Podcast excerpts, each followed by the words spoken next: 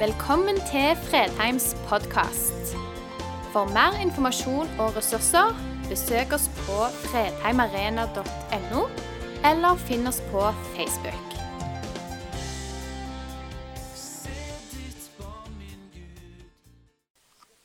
Jeg skal snakke om forventning i dag.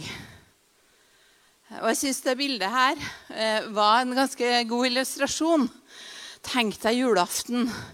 Tenk deg forventningen i ungenes øyne. Som har bygd seg opp dag for dag mot julaften. Den forventningen skal vi få lov til å kjenne på i dag. Men først så skal vi be litt. Kjære far, jeg takker deg for at du er så mye større enn vår tanke kan fatte. Enn vårt lille liv kan romme. Jeg takker deg, Herre, for at vi bare skal få lov til å åpne oss for deg, Jesus. For du har så mye mer å gi. Jeg ber far om å ha et åpent sinn og et åpent hjerte for deg, Jesus. Amen. Tenk deg at du kom hjem, og så sto det ei sånn pizzaeske på kjøkkenbordet. Og da er du enten pessimist og tenker Nei, eh, det er sikkert ikke noe igjen til meg. Eller så er du optimist og tenker Yes, pizza! Nam! Og pessimisten har kanskje blitt sånn fordi det har skjedd så mange ganger at den kanskje har opplevd at det ikke har vært noe igjen. Og er du pessimistisk og tenker det er ikke noe igjen til meg, så vil du ikke bli så veldig skuffa om du løfter lokket og det er tomt oppi den pizzaesken. Men samtidig så ligger det en slags sånn bitterhet der. Det er ingen som tenker på at jeg vil ha pizza. Og så har du kanskje opplevd litt for mange skuffelser da, som gjør at du egentlig ikke forventer at det skal være noe pizza til deg oppi den esken.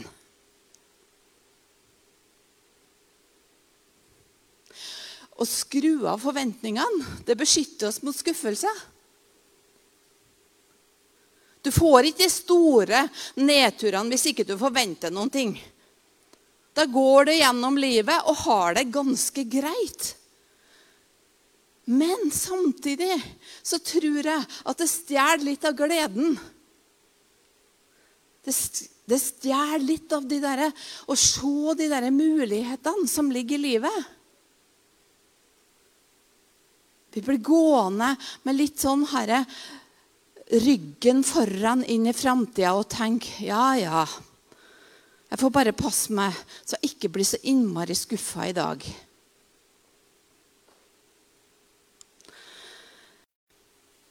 Jeg skal ta dere med inn i en av de mest kjente fortellingene i Bibelen.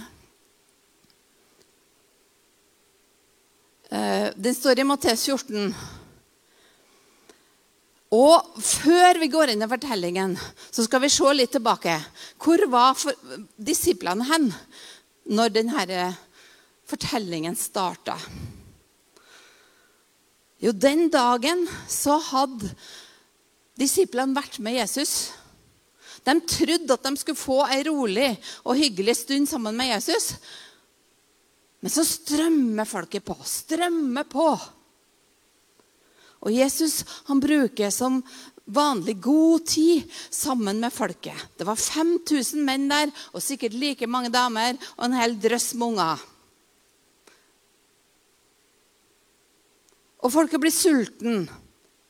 Og så var det de to fiskene og de fem brødene som dukka opp, og som Jesus sa at disiplene skulle dele ut. Og Kan dere tenke dere den følelsen det var å stå med to usle brød og fem små fisker og se skaren av mennesker? Vi kan vel nesten ikke se for oss hvor mye folk det var der. Og Jesus sa, 'Del ut.' Og det ble aldri tomt. Det bare kom mer og mer mat. For hver brødbit de brøyt, så kom det en ny i handa. Og de bare delte ut og delte ut. Ja, det var tolv kurver til overs. Det hadde de akkurat opplevd. Og så skulle de sette over til den andre sida. Og de rodde i motvind og var sikkert ganske sliten. Og så kom Jesus gående mot dem på vannet. Men har dere lagt merke til hva de tenkte da? Etter det de hadde opplevd den dagen, så burde de jo ha tenkt åh, det er helt sikkert Jesus, for han er jo alt mulig. Det er sikkert Jesus. Men nei da. De tenkte det verste. Hjelp! Det er et gjenferd. Og så ble de redde istedenfor glad. Fordi de forventa virkelig ikke at Jesus kunne komme gående bortover vannet.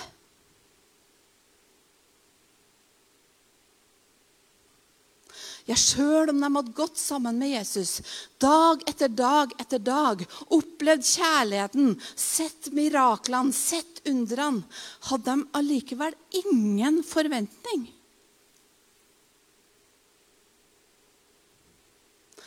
Og så blir spørsmålet hvordan har du det da når du åpner Bibelen?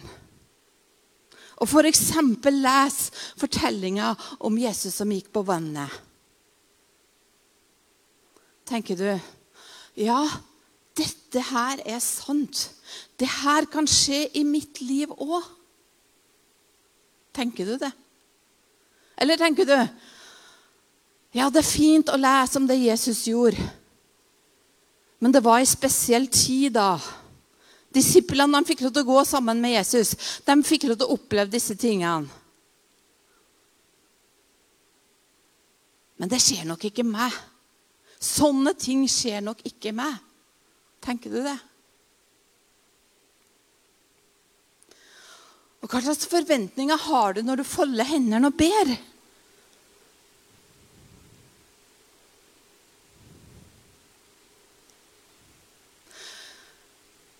Tenker du Jeg kan jo alltid spe for deg, men ja, ja. Jeg er ikke så sikker på om jeg får bønnesvar. Og kanskje har du opplevd lange lange, lange perioder hvor du har bedt og bedt og bedt, og tilsynelatende skjer det ingenting. Ja, Kanskje skuffelsene dine er enorme på det området. Kanskje du har noen syke i familien. Kanskje du sliter med noen ting sjøl, og du har bedt og du har bedt og du har bedt. Men Gud hører alltid. Gud svarer alltid.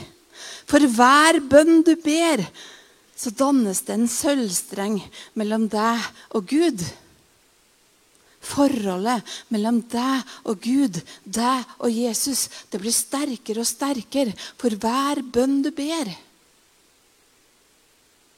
Jeg hørte en gang ei som brukte et bilde, og det var Å be, det er som å dryppe dråper på ei flaske. Det er noen flasker som er bitte små. Og som plutselig er fulle, og så skjer det. Mens andre flasker er så store at du gjerne må dryppe gjennom hele livet før flaska blir full. Ja, bønn kan være en tålmodighetsprøve. Men når vi går og venter på Herren, så skjer det noe med hjertet.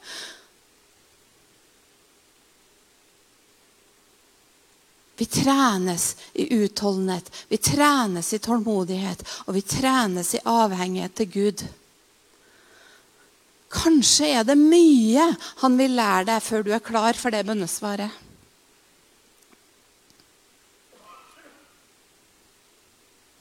Kanskje må han bygge et solid fundament i ditt liv av tru og tillit før du er klar for bønnesvaret. Og av og til så svarer Gud på helt andre måter enn det vi forventer. Vi har jo lett for å vite best og fortelle Gud at dette er løsningen og så ber vi konkret for en løsning som kanskje ikke er Guds løsning. Men ikke la den løgntanken feste seg i hodet at det er ikke noe vits i å be bare fordi du ikke får det som du vil. For da har den vonde seira. Da har Satan seira. For Satan han ønsker å sette oss i sjakkmatt. Satan ønsker at vi skal slutte å tro på det vi leser i Bibelen. Satan ønsker at vi skal slutte å be konkret. Og så lammes vi, og så sløves vi, og så slutter vi av forventning. Da koser han seg. For Jesus han tulla ikke da han i Markus 16 sa og disse tegnene skal følge de som tror. I mitt navn skal de drive ut onde ånder. De skal tale nye tungemål, og de skal ta slanger i hendene. Om de drikker dødelig gift, skal det ikke skade dem. Og når de legger hendene på syke, skal de bli friske. Gud, men, Jesus mente hvert ord da han sa dette her. Det er Guds ord til oss. Hans ord er levende og virkekraftig. Det er det samme i går og i dag. Ja, til evig tid.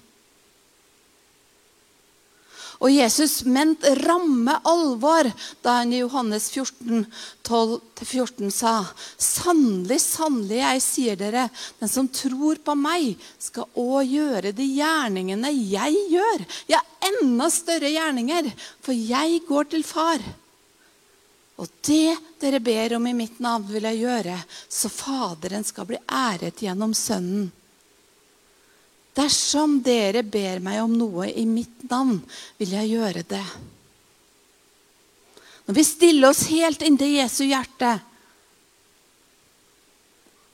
og ikke gir oss med å be, så skjer det ting. Ja, himmelens krefter settes i sving for hver bønn vi ber.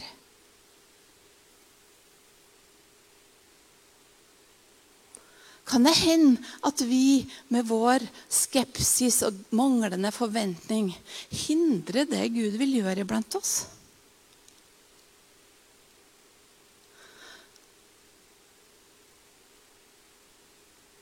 Det er en stor tanke å tenke. Og jeg vet at jeg ofte har tenkt at det ikke er noe vits i å be. Denne byrden er for tung, og det er ikke noe vits i å be. Ofte så har Satan klart å lure meg til å gå lange perioder og bære på tunge byrder. Og det er et eller annet med at vi er så oppdratt til å bøye nakken og bære byrder. Det gjør vi lett.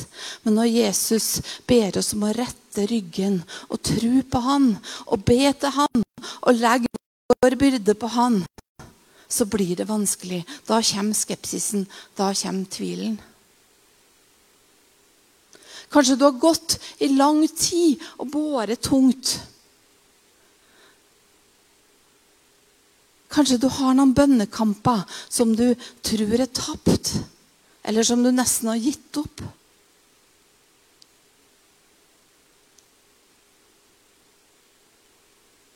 Jesus vil gjøre store ting iblant oss.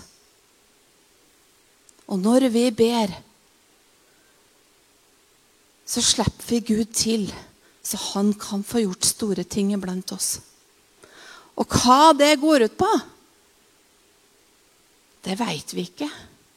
For bønn er òg lytte og forventning til at Gud gjør ting på sin måte. At svarene er etter hans hjerte. Jeg tenker Disiplene var skikkelig overraska da de plutselig oppdaga at det var Jesus som gikk på vannet. Og Jesus han har sånne overraskelser på lager for oss òg. Masse overraskelser. Hvis vi bare våger å se etter dem og lytte etter dem. Apostlene de tok Jesus på ordet. Og sånn så det ut. Ved apostlenes hender ble mange tegn og under gjort i folket. Alle holdt trofast sammen i Salomos søylehall. Ingen andre våga å slå seg sammen med dem, men folket satt dem høyt. Stadig flere trodde på Herren og ble lagt til dem. Både menn og kvinner i stort antall. De bar oss syke ut på gatene og la dem på senger og båre for at i det minste skyggen av Peter skulle falle på noen av dem når han gikk forbi.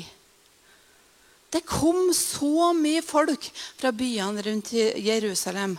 De bar med seg syke og folk som var plaga av urene ånder. Og alle ble helbreda. Sånn ser det ut når vi våger å ta Guds ord på alvor.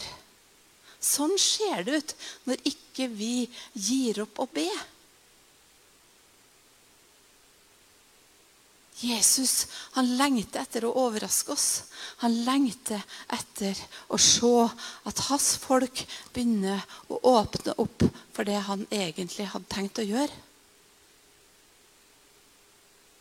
Og Kanskje tenker du det her er for voldsomt, det her er for drøyt. Men da tenker jeg vi må bare begynne å trene. Vi kristne sammen. Vi må begynne å trene. Vi må begynne å tør å snakke om de gavene Gud har lagt ned i oss, som kanskje ligger der dypt der nede et sted, og vi aldri tør å snakke om det. Vi må våge oppmuntre hverandre til å bruke nådegavene. Vi må våge å legge hendene på syke. Vi må våge å la menigheten bli en treningsleir. For Gud tenker å gjøre store ting.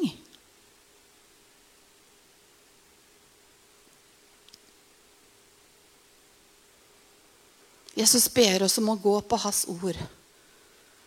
Sjøl om det fører til at vi havner på gyngende grunn. Ja, for det er kjempeskummelt å be. Å gå ut og be aktivt for mennesker og ikke vite om en kommer til å svare. Ja, det er kjempeskummelt. Vi mister kontrollen fullstendig. Det blir som da Jesus inviterte Peter ut på vannet.